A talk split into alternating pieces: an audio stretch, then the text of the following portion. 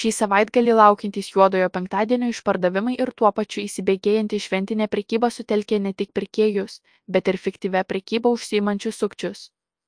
Pastariesiems tai galimybė ant didelių nuolaidų kabliuko suvilioti mažiau patyrusius ir netidžius pirkėjus.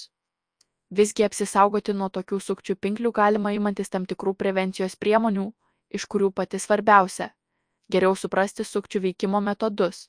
Didelės nuolaidos parduotuvėse, kurių nėra, į sukčių pinkles internete patekęs žmogus dažniausiai susivilioja prekes su didele nuolaida. Skubėdami pasinaudoti geru kainos pasiūlymu pirkėjai atidžiai nepatikrina informacijos apie prekybininką ir taip užkimba ant sukčių jauko. Netikri prekių skelbimai socialiniuose tinkluose ar nuorodos į suklastotas interneto parduotuves su itin pigiomis prekėmis yra kone dažniausiai naudojamas sukčių triukas pinigams išvilioti. Natūralu kad pirkėjams visada norisi patinkantį daiktą įsigyti su kuo didesnė nuolaida. Bet turbūt daugelis suprantame, kad 80 ar 90 procentų siekiančios nuolaidos realybėje neegzistuoja. Dažnas pirkėjas neįvertina rizikos, kad sukčių pasiūlymai pasinaudoti išskirtinėmis nuolaidomis gali būti jam pametėti iš pirmo žvilgsnio saugioje, nes kasdien naudojamoje ir pažįstamoje erdvėje. Pavyzdžiui, populiariuose bendravimo ir socialinių tinklų platformose, naujienų portaluose trys saugumo patarimai perkant internetu. Apsisaugoti nuo sukčių internete pirmiausia padeda paties vartotojo atidumas. Jei interneto parduotuvėje ar skelbime siūloma gerai žinomo gamintojo prekė už itin mažą kainą tai pirmasis signalas kuris turėtų sukelti jūsų įtarimą. Antra skirtingai negu realybėje internete apsimesti ar imituoti dalykus yra kur kas paprasčiau prekybininkais apsimetantys sukčiai dažniausiai yra ištobulinę gebėjimą tiek apsimesti kitais asmenimis tiek sukurti įtikinamai atrodančias prekių ar paslaugų svetaines.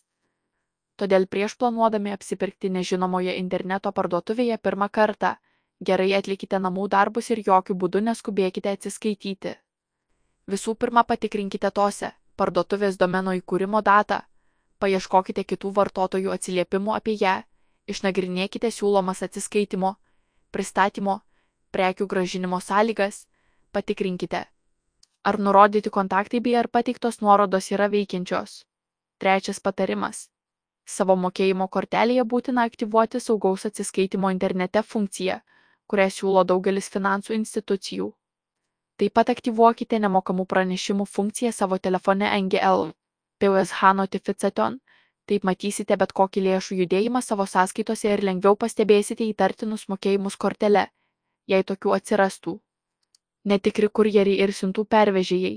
Pastebima kad pastaruoju metu ypač suaktyvėjo sukčiai kurie aktyviai domisi prekybos ir skelbimų portaluose gyventojų parduodamais daiktais. Prisistatę kaip potencialūs pirkėjai tardamiesi su pardavėju dėl prekės siuntimo sukčiai teigia kad pasinaudojus jų nuorodą iš kurios nors žinomos siuntų tarnybos puslapio, prekės siuntimas neva bus nemokamas. Čia ir slypi sukčių apgaulė šie puslapiai įtikinamai atkartoja įvairių realių siuntų tarnybų puslapių dizainą, o juose prašoma suvesti mokėjimo kortelių duomenis. Dažniausiai sukčiai reikalauja nurodyti kortelės numerį, galiojimo datą, CVC kodą, vardą, pavardę, kartais netgi ir sąskaitos likutį norint apsisaugoti nuo nuostolių parduodant daiktus prekybos ir skelbimų portaluose. Visų pirma prekę siųsti reikėtų tik gavus apmokėjimą iš pirkėjo bei sutarus kaip bus atsiskaityta už prekės siuntimą. Į siuntų tarnybų internetinius puslapius saugiausia eiti jų adresą suvedus naršyklės adreso lauke o ne aktyvuojant iš kitų asmenų gautas nuorodas. Jos gali būti fiktyvios. Ir svarbiausias dalykas norėdami gauti lėšas už parduodamą prekę pirkėjui turite nurodyti tik savo sąskaitos numerį ir jokiu būdu ne mokėjimo kortelės duomenis.